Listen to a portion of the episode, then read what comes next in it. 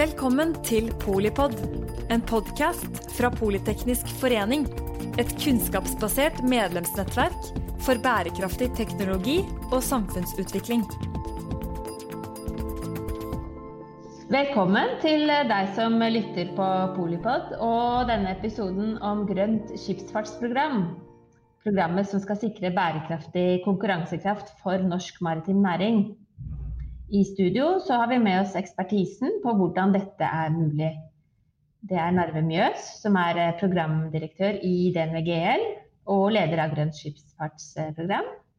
Og DNVGL er også medlem av Politeknisk forening.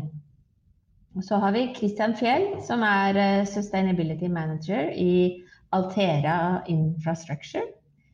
Populært, eller tidligere kalt TK Offshore. Norge har forpliktet seg til å redusere utslipp av klimagasser med 40% innen 2030. FNs internasjonale maritime organisasjon har bestemt at utslippene skal halveres innen 2050. Dette lukter av et stort globalt marked for grønne teknologier til sjøs. Men Narve, hva er egentlig det grønne kystfartsprogrammet? Kort fortalt. Ja, Grønt skipsfartsprogram eh, det er ikke bare et offentlig-privat partnerskapsprogram, men det er også eh, et verktøy for grønn konkurransekraft. Litt av bakgrunnen her er jo det at eh, skal vi si, maritim næring er jo viktig for Norge, noe som er en godt bevart uh, sannhet. Vi, Næringen er jo global og kompetansebasert, med en veldig sterk posisjon i markeder over hele verden. Og Med 85 000 ansatte så er det en av de største og viktigste næringene vi har. Og Hvis vi ser bort fra olje og gass, er det den suverent den største eksportnæringen vi har. Og Næringen har jo også vært ledende på grønne teknologier. Var først ute med tanke på flytende naturgass for 20 år siden. Det som drivstoff. Um, var først ute med maritim batteridrift, og vil uh, trolig være først ute nå med både autonome nullutslippsskip og uh, også en hydrogenbåt, da, som, eller ferge, da, som er i ferd med å bli bygget uh, borti Ryfylke. Noe av det første vi gjorde i Grønn skipsfartsprogram når vi startet opp i 2015, det var å se på utslippene i norske farvann. Og eh, de analysene som eh, vi gjorde da, viser det at norsk innenriks skipstrafikk står for 9% av Norges samlede CO2-utslipp, og 34 når det gjelder helsefarlig NOx, og 25 når det gjelder eh, SOx. Da. Så bottom line var jo det at eh, her er et stort potensial for utslippsreduksjoner å, ved å fokusere på eh, innenriksfarten. Og Det er jo derfor regjeringen bør bry seg i det hele tatt med å, å involvere og motivere maritim næring. Og Dette betyr jo at uh, hvis Norge skal oppnå de målsetningene vi har, som faktisk innenfor det maritime området er 50% reduksjon av CO2-utslippene innen 2030, så må vi ha da eh, frem til 2030 bygget eh, 1100 eh, nullutslipps- og lavutslippsbåter. Og dvs. Si 110 i året. 70 eh, lavutslippsbåter og 40 nullutslippsbåter i, i, året. Så dette er jo en betydelig utfordring å, å få til. Um, ja. Vi ser også i Du er jo en av representantene for bransjen. da. Altså, hvorfor er du med, og hvem er, eh, hvem er med, og, og, hvordan samarbeider dere? For vår del så var det kom Grønt kystfartsprogram opp i en fase hvor vi var i en flåteutskiftningsstadie, hvor vi skulle designe og lage nye skip. Og så Grønt kystfartsprogram som en naturlig eh, plass for å, å, kunne hente det beste av ekspertise innenfor den norske maritime klyngen. Og som jo er helt unikt for, for, Norge, at vi har så sterk klynge innenfor det. Og da kunne vi gå fremme vårt design og, og, pilotforslag. Og få andre aktører som er hver er eksperter på sine områder, det være seg batterier eller uh, elektriske installasjoner eller VOK-håndteringsanlegg, og være med i piloten og drøfte og diskutere det inn under rammene av Grønt kystfartsprogram. Da. Sånn at man fikk en en sånn lavterskelarena for å diskutere problemstillinger på tvers, og, og, også adressere og komme med forslag til løsninger. Så mm, det, det var oh, den initielle grunnen til at vi ble med på det. Og vi endte jo også opp med å realisere da, den piloten, disse nybyggene våre, e-shuttle som vi kaller dem, eh, som i dag er på vannet og, og er i drift. Og, men siden også, så det, det, var jo den ene piloten som vi har vært med på. Grønt kystfartsprogram består av mange forskjellige piloter underveis, som Narve sikkert kan komme litt inn på. Men der er vi deltakere på et mer passivt nivå, men deltakere i andre piloter og får høre hva andre rederier, eh, problemstillinger de har, f.eks. velge framtidens framdriftsløsninger, velge drivstoff, eh, finansiering, alt mulig. Sånn at vi, vi, har en flott arena for å diskutere på tvers uh, disse problemstillingene.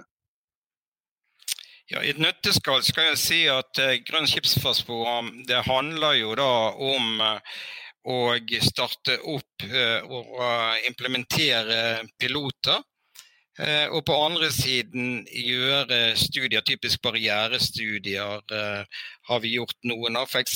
For eh, i forbindelse med, eller tilbake i 2015 da, så så vi at det var jo en stort antall fergesamband som skulle eh, fornye kontrakt. Og det skulle utlyses fra fylkeskommunene og eh, Vegvesenet eh, anbudsinnbydelser. Og til tross for at det var stor, eh, politisk, stort politisk påtrykk og interesse og commitment fra de forskjellige deltakerne i eh, verdikjeden, da, så var det da store barrierer da, som man måtte løse. Så Vi satte i gang en barrierestudie der vi involverte fylkeskommunene og andre interessenter. Da. Og Dette her har jo ført til eh, at vi har hatt en batterirevolusjon innenfor fergenæringen i Norge, som har vært viktig også for en videre eh, fantastisk markedspenetrasjon når det gjelder batteriskip i verden. Så når, I 2015 så var det vel ca. 15 batteriskip i verden. I dag så bikker det 450. Eh, og 40% av eh, markedet ligger i, eh, i Norge. Og dette har vært med på å drive hele utviklingen. Sånn som i dag, da, så eh, eh, så eh, jo, installerer jo Christian og de også eh, batterier om bord på disse svære eh, bøyelasterne.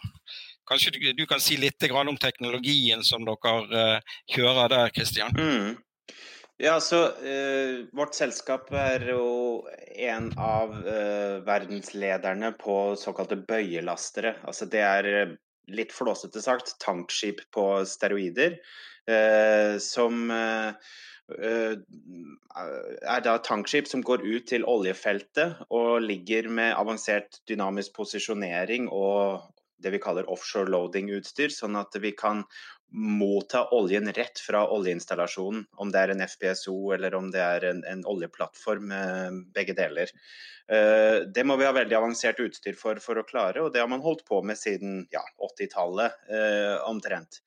Og så har det sakte, men sikkert vært en, en sånn evolusjon på designene på disse uh, underveis. Som man som sagt starter med tankskip og legger til dynamisk posisjonering og litt styrke i dekk, og så offshore loading-systemene osv. Men små, små incremental steg hele veien. Men så kom vi til et stykke her i 2015 hvor vi så behovet for å, å erstatte mye av de, den aldrende tonnasjen som vi hadde, og begynte jo da å se vyene av et uh, fokus på miljø og bærekraft allerede ja, da, som vi trodde ville komme til å være veldig gjeldende og økende grad av at de var eh, mer gjeldende over tid. Og disse skipene skal jo leve i 20-25 år. Så eh, å ta de riktige valgene ved et designstadie er viktig.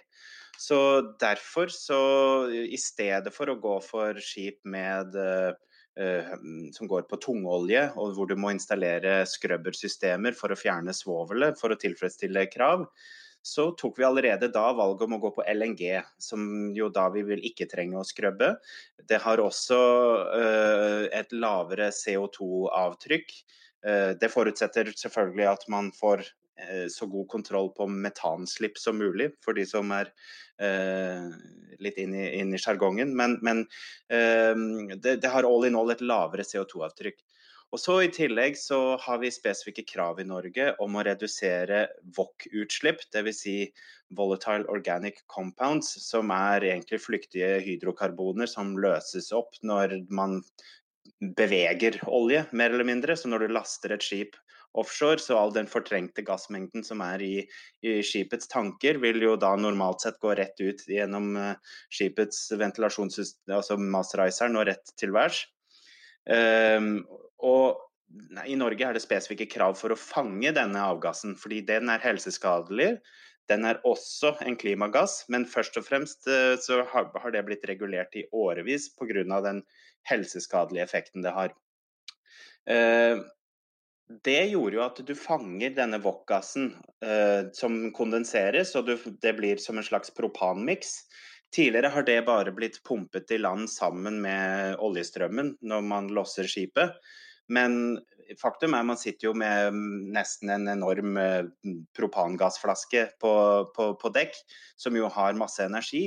Og hele tanken da var at ja, når vi har LNG-motorer, som kan man da kanskje blande denne gassen inn uh, for å få nyttiggjort seg av den som fuel. Så det tok vi da i bruk, og fikk test, eller unnskyld, vi fikk testet det først. Og så viste det seg at det har, eh, går bra, og så valgte vi å, å, å, få den funksjonaliteten installert. Og så I tillegg, da, i og med at skipene ligger på såkalt dynamisk posisjonering og er både i hardt vær og i lite vær og krever, har veldig varierende grad av kraftbehov, så mm, var jo batterier en kjempeløsning for å jevne ut det, den, den, lasten, slik at motorene kan gå på et mer jevnt uh, nivå. Og Litt morsomt å nevne batterier, fordi i 2015, eh, da vi begynte å se på dette her, så var batterier nesten ikke noe vi snakket om engang. Det ble nevnt og kanskje litt ledd bort. Men bare to år senere så var det gått fra å være noe perifert og, og merkelig til å være en helt fullstendig no-brainer at selvfølgelig skal vi ha det om bord. Så det, batterier er jo noe som har virkelig gått fort å få inn i bransjen i en ellers ekstremt konservativ bransje. Hmm, hmm. Så, så det, det, er litt av ja, teknologien vi har i bruk på disse, disse tankskipene. Da. Jeg må jo berømme de norske rederiene for å inkludert uh, Altera, da, uh, for å være veldig fremoverlent. Og Rederiforbundet har jo faktisk hatt en nullutslippsvisjon i ja, over ti år, i hvert fall mellom 10 og 15 år. Så det er fantastisk morsomt å jobbe med så mange kompetente og fremoverlente spillere innenfor den maritime verdikjeden. Og vi drar hverandre videre, alle sammen. Og eh, dette her har også nok, nok, noe med den skandinaviske eller norske kulturen, det at vi kan samarbeide. I en del andre land så er kulturen mindre tillit mellom myndigheter og næringen, og også mindre tillit på tvers av næringen. Eh, det er jo en utfordring når det er snakk om f.eks. avanserte autonomiteknologier eh, som skal utvikles, og ABB og Kongsberg Gruppen er i samme pilot og skal jobbe med de samme tingene. Eh, så det, det, krever jo litt da fra alle parter at man, man klarer da å, å, samarbeide på en effektiv måte.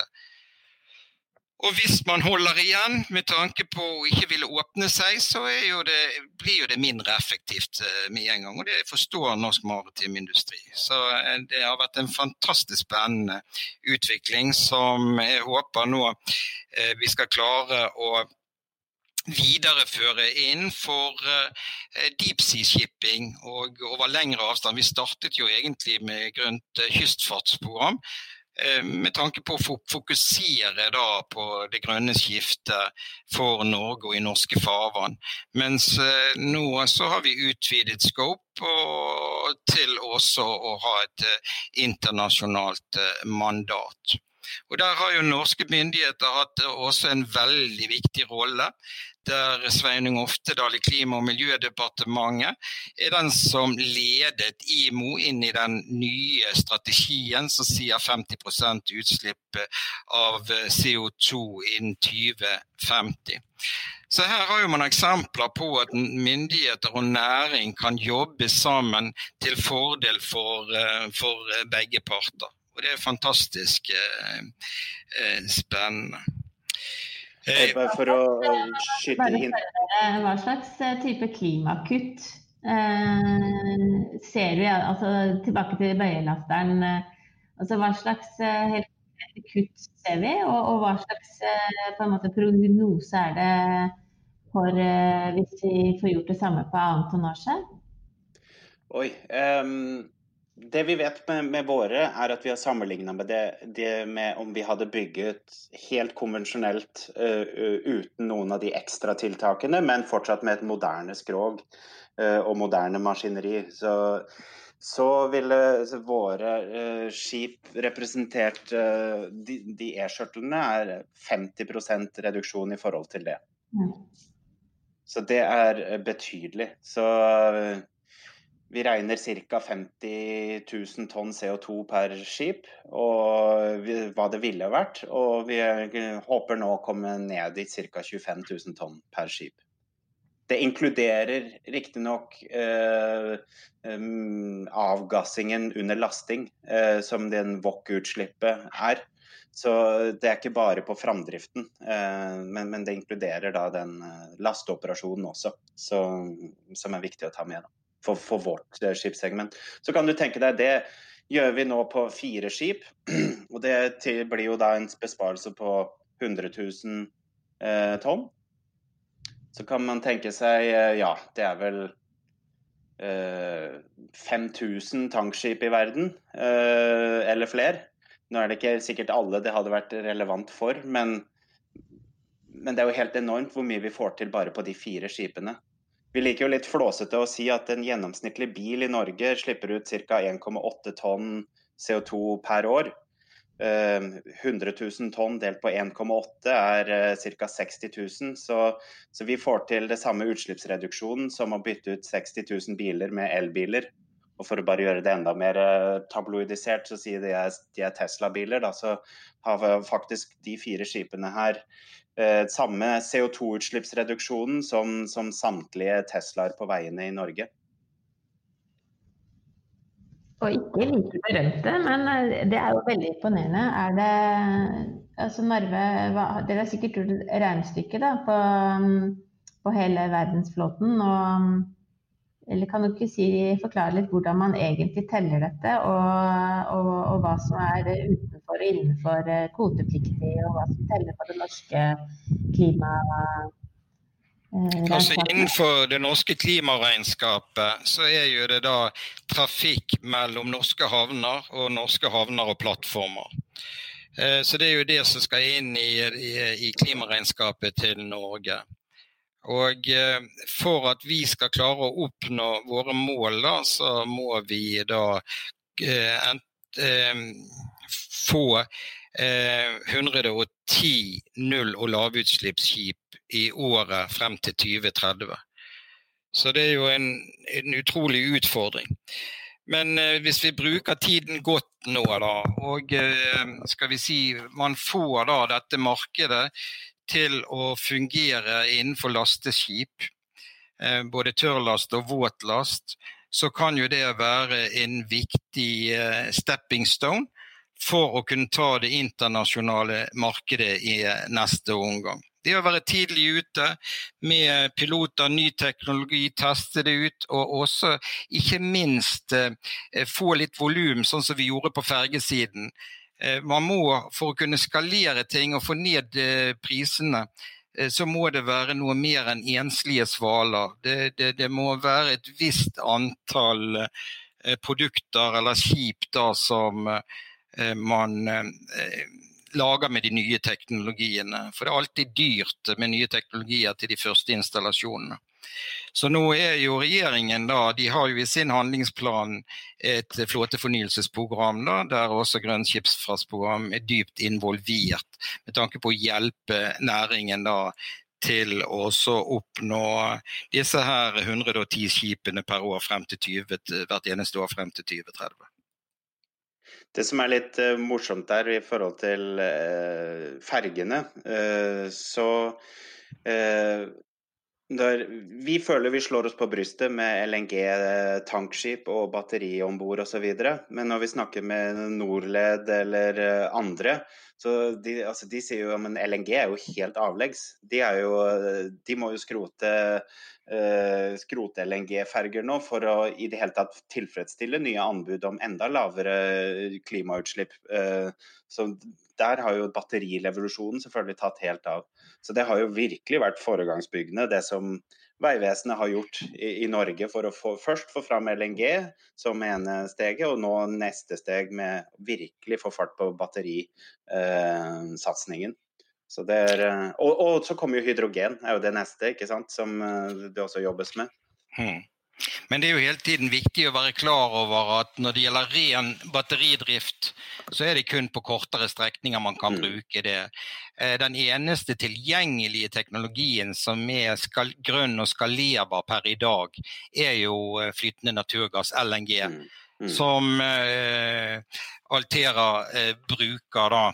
Men kombinerer med batteri fordi at man skal få en enda mer eh, eh kostnadseffektiv løsning. Batterier er, er bra uansett eh, med tanke på å, å få ned drivstofforbruket. Mm.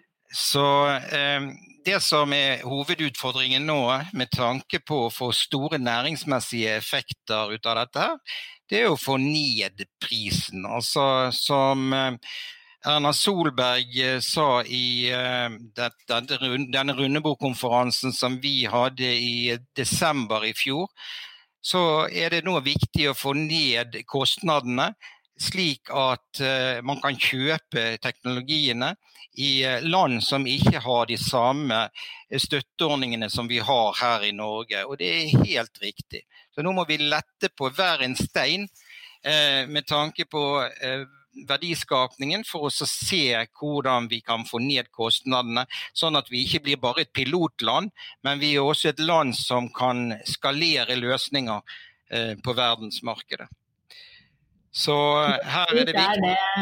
Hvor stort ser dere for deg, eller ser denne GL for seg verdensmarkedet? Altså, flytende naturgass eh, er jo på en måte et litt sånt nordsjøfenomen, er det ikke det?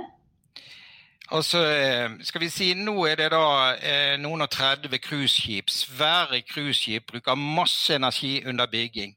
Som har da flytende naturgass som eh, hovedenergibærer.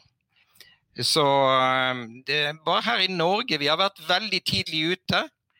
Eh, men skal vi si resten av verden, de er jo på LNG nå, flytende naturgass. Så liksom vi, vi, vi er av og til litt for mye navlebeskuende med tanke på skal vi si, eh, disse veldig tidlige løsningene. Og Det er fint å være tidlig ute, men vi må lære å skalere, og vi må kunne få eh, skal vi si, nytte av dette her i arbeidsplasser og norsk verdiskapning. Hvem er de andre store nasjonene eller miljøene som eh, norske, den norske maritime klyngen konkurrerer med? Ja, både franskmenn er fremoverlent, danskene er fremoverlent, og amerikanerne. Kineserne kommer etter her nå. Så, som jeg nevnte i sted, så skal vi si 40% av batteri, maritime batterimarkedet er jo i Norge, men det er nå 60% som er utenom Norge. Da. Så, så det, det, er det største markedet, men de andre kommer etter. Og Så får vi bare holde tempoet oppe, få ned kostnaden og få en global skalering. Og her kan jo da eh, et selskap som Altera også være med på å vise vei med tanke på deep sea shipping, for de eh, har jo aktiviteter eh, på de syv hav. Mm, vi prøver jo å promotere løsning med wok-gjenvinning og, og LNG-fremdrift f.eks. i Brasil også, eh, som er et av våre store markeder, der vi har en, eh, en flåte. Så, men det har vist seg veldig vanskelig. Det, det er, man er litt avhengig av disse foregangsnasjonene. For vi ser jo dessverre at man har kunder i disse landene som fortsatt går ut og spesifiserer eh, nybyggskontrakter på det vi ville kalt gammeldags teknologi. Og heldigvis for vår del, for vårt selskap, har, har turt å, å, ikke hoppe på og by, eh, og gjerne også underby på den type kontrakter. For vi er litt redde for hvordan det vil se ut eh, å sitte igjen med, med de skipene om fem år, ti år, eh, når vi tror verden beveger seg i en annen retning. Så, så vi ønsker, og Der er jo kjempeviktig å f.eks. være i Grønt kystfartsprogram, snakke direkte med Rederiforbundet, snakke direkte med Sveinung Oftedal eh, i Klima- og miljødepartementet, for å være med og, og, påvirke. For de har jo bilaterale samtaler med de forskjellige nasjonene og kan liksom vise til Norge og dra oss med i, i, som eksempler på hva man kan få til osv. osv. Jeg skulle til å si at vi kan jo oversette Polipod-episoden til eh, portugisisk. Så kanskje vi når noen hundretusener der også. Men hvordan eh, Altså, du er inne på det litt sånne geopolitiske samarbeidet. Da. Den maritime bransjen globalt er jo veldig eh, nasjonsløs, eller i hvert fall veldig eh, de syv hav de, de, hører ikke hjemme i et spesielt eh, land. Så hvordan eh, tar vi på en måte suksessen, eller hvordan tar dere suksessen fra skipsfartsprogrammet til, til IMO, som er det FN-organisasjonen, og, og også til andre markeder? Ja, Første skritt var jo da å få IMO til å eh, vedta en strategi som går på å redusere CO2-utslippene med 50% innen 2050. Det er jo første skritt. Og Så må jo man sette i gang tiltak da. Så det vil jo komme krav eh, som gjør at, eh, at forurenser må betale. Så det, også er det spørsmål hvor, hvor raskt vil denne utviklingen gå, og hva, hvor dramatiske er de grepene som uh, IMO vil, vil, vil, ta. Og Så er det også uh, spørsmål om finansieringsmodeller. Rederiforbundet og andre interessenter ønsker jo seg en eh, finansieringsmodell der man har en mild skattlegging som fører til at man får opp et fond tilsvarende NOx-fondet i, eh, i, Norge, da, som har gitt en fantastisk uttelling. Eh, både innenfor maritim industri og andre eh, næringer også, faktisk. Så, men mye må gjøres gjennom reguleringer, tror jeg. Det, det, det, er vel det som kanskje er enklest å, å få, få, på plass da. Men så er det en del nasjoner som vil holde igjen. Sånn er det alltid med reguleringer. Mens andre nasjoner er mer fremoverlent. Men eh, Jeg er helt enig i det Narve sier, og, og, det der er kjempeutfordrende. Fordi det kommer til å ta tid før før man får på plass internasjonalt regime for eh, at forurenser betaler, eh, som du sier. Og det må det må visjonære selvfølgelig selskaper til for å få det til, men ikke minst så må du få visjonære land og regioner. For Norge jo, går jo i bresjen, EU eh, e går i bresjen. Og jo, kommer med regelverk som er strengere enn de internasjonale tidlig. Som gjør å tvinge fram endring, pluss at det tvinger fram en akselerasjon i de internasjonale regelverkene også. Så, så, det er jo utrolig vanskelig og komplekst for oss som aktør å navigere i et sånn regelverksbilde som hele tiden endrer seg. Men, men samtidig så tror jeg at den norske maritime bransjen kanskje er bedre skodd enn mange andre, andre fordi vi er såpass teknologitunge og um, omstillingsmulige, uh, kanskje. Så, så, så, vi ser jo på det som positivt. Um, til tross for at det er jo veldig uh, byråkratisk og vanskelig til tider. Men, men, men, for oss å få realisert disse tingene, så har vi også vært helt avhengig av nettopp den nasjonale driven som er i Norge. Det at vi fikk 133 millioner kroner fra Enova i eh, en Enova-støtte, er jo tungen på vektskålen for å tørre å ta f.eks. det teknologirisikoen og investeringen som merinvesteringen som det var på, på deler av de, de, tingene vi inkluderte i nybyggene våre.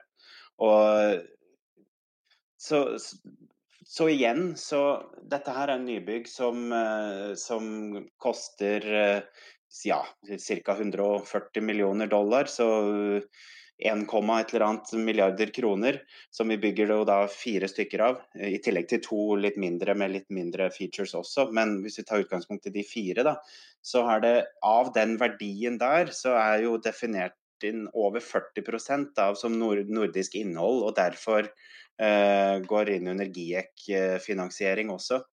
Så det at et skip bygges i Korea, og det, det er allikevel ekstremt betydningsfullt og, og, enorm verdiskapning i norske bedrifter allikevel.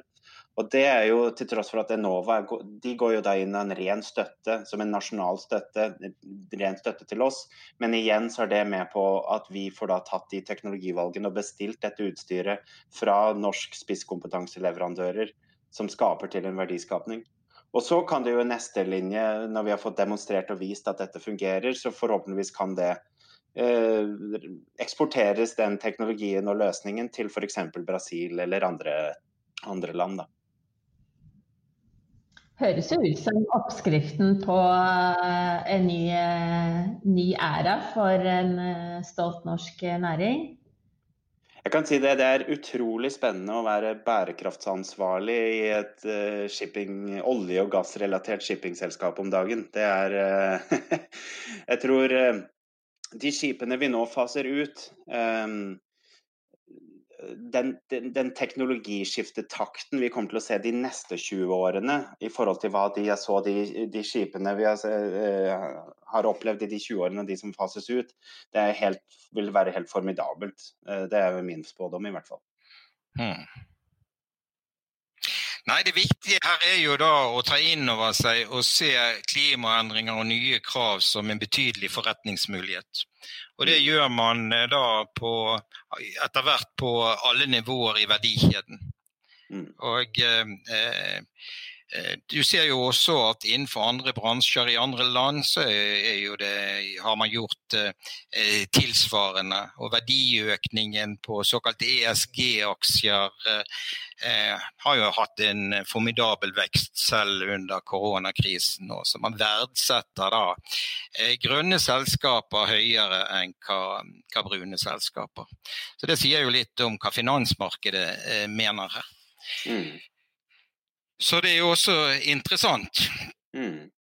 Nei, eh, det jeg skulle si var noe av det som virkelig opptar uh, maritime bransjen generelt. Da, det er jo hva er neste? Hva er nullutslippsløsningen uh, som man styrer mot? LNG er jo et, et, steg på veien. Og hvis det skulle komme masse biogass tilgjengelig, så, så vil jo det være med å dekarbonisere betraktelig det vi har allerede. Men det vil ikke være nok antageligvis kapasitet eh, til, av biogass i verden for å støtte, tilfredsstille det behovet. Så der ser vi jo hva er det neste. Og da er det så utrolig verdifullt for et selskap som oss f.eks. å være med i Grønt kystfartsprogram. Å være med som en, en deltaker i Color Line sin pilot. Color Line har en pilot pågående hvor de ser på å konvertere noen av sine skip til å kunne gå på ammoniakk. Og da er vi med som en Sånn sett jeg har ingen direkte arbeidsoppgaver inn i det, annet enn å, å være en sparringpartner. Men vi kan allikevel være med og høre oppdateringer hele veien. Hva har de funnet ut nå? Nå har de Color Line vært i diskusjon med motorleverandøren, og de motorleverandørene har kommet med disse problemstillingene. Og det gjør jo at da trenger ikke vi å ta alle de rundene med, med, med, med partene. Fordi vi kan dele på tvers, og det gjør jo også at Plutselig har jeg fått personlig godt forhold til tekniske sjefen i Color Line, selv om det er et helt annet markedssegment. De transporterer folk, vi har uh, olje. Men vi kan ringes når det er ting som kommer opp. og Hva er erfaringen deres med det, og har dere sett det nye sånn? Og Det er den type sånn stimulering og diskusjon som er utrolig, utrolig viktig, tror jeg, og veldig sånn symptomatisk for den norske maritime klyngen. Så det var jo diskutert mye om den der Nav-saken. Eh, jeg fulgte med på det her da de kom ut med, med, den nedslående rapporten der en av hovedkonklusjonene var mangel på diskusjon var en av årsakene til at ting har gått så galt med, med den. Og da tenkte jeg faktisk over at det er jo faktisk det stikk motsatte av det vi oppnår i, i, den norske maritime næringen. Der er det absolutt ikke mangel på diskusjon. Det er nettopp det vi diskuterer på tvers både leverandører og, og rederier og uh, myndigheter til og med uh, har den dialogen. Så Det syns jeg er veldig givende å være del av. Ja, Vi har etablert i Grønn skipsfartsprogram 26 piloter, og åtte ut av de er enten ferdigbygget eller under implementering. nå. Og eh, vi har innenfor de fleste drivstoff, hydrogen, Eh, innenfor, eh, med, eh, innenfor biogass, innenfor ja, forskjellige teknologier. Og også innenfor det med det autonome så har jo vi to piloter. da. Og som Kristian nå har også nevnt, da, så har næringen muligheter her til å følge med godt eh, med tanke på skal vi si, eh, prosjekter som blir gjort. Så det er jo eh, veldig forskjellig fra de fleste andre programmer, da, at man kan gjøre det på den måten. Og det at vi har hele verdikjeden involvert i disse pilotene. Vi har eh, en investor som KLP, vi har eh, banker som eh, DNB, Danske Bank og Svebank. Eh, vi har vareeiere som både Equinor og Hydro og Heidelberg Sement Felleskjøp osv. Og, så og flere rederier og hele leverandørkjeden, og også inkludert forskjellige energier. Så det er eh, unike muligheter da, for firmaer som blir med og, og, og lære fra andre i verdikjeden og det som er blitt gjort tidligere, og få en viss oversikt. Så det hadde jeg lyst til å tilføre. da. Grønt skipsfartsprogram har også etablert et servicekontor for grønn flåtefornyelse. Eh, og det går egentlig i to spor. Det første sporet det går for vareeiere. Eh, som typiske Asko, eh, Hydro, Equinor osv. Heidelberg Sement Felleskjøpet. Og det går på å skape sektorspesifikke markeder som grunnlag for grønn flåtefornyelse. Og det, disse vareeierne de sitter egentlig på nøkkelen til et grønt skifte. Det andre sporet er da rederisporet. Og det hjelper rederiene med å bygge grønt. Enten er frittstående eller på, på forespørsel. Da. og oppi dette her da, så er jo det veldig viktig å bidra til å etablere grønn privat og offentlig finansiering. Uh, jeg tror at for de fleste rederier og vareeiere Eh, så ser jo de at det er mange støtteordninger. Vi har eh, Enova, vi har Innovasjon Norge, vi har NOx-fondet, vi har Forskningsrådet. Eh, men i forbindelse med den enkelte rederis, det enkelte rederis behov og situasjon, og sammen med lasteeierne. Hvilke eh, finansieringsordninger er, da mulige? Å bidra her og hjelpe til da med både det, eh, å velge teknologi og også eh, bidra med å gi eh, hjelpe de med å skrive søknader da, for å få støtte. Og dette er en gratistjeneste som er tilgjengelig for eh, både vareeiere på ene siden og for rederier på, på, andre siden. Og Det er tiltak som myndighetene har igangsatt fordi at de eh, har en strategi nå som går på å få til en flåtefornyelse i Norge av eh, lasteskip. Og dermed så er vi smøringen i maskineriet som kan få dette her til å akselerere. Og vi har allerede ja, på, på kontraktslisten er det vel eh, nærmere ti eh, vareeiere og ti eh, rederier som, eh, som, er blitt med. Og hvis man ønsker å komme i inngrep her, så er det bare til å ta en telefon til meg, Narve Mjøs i Grønn skipsfartsprogram og DNVGL. Det er jo kjempeviktig. Det er et imponerende setup av aktører.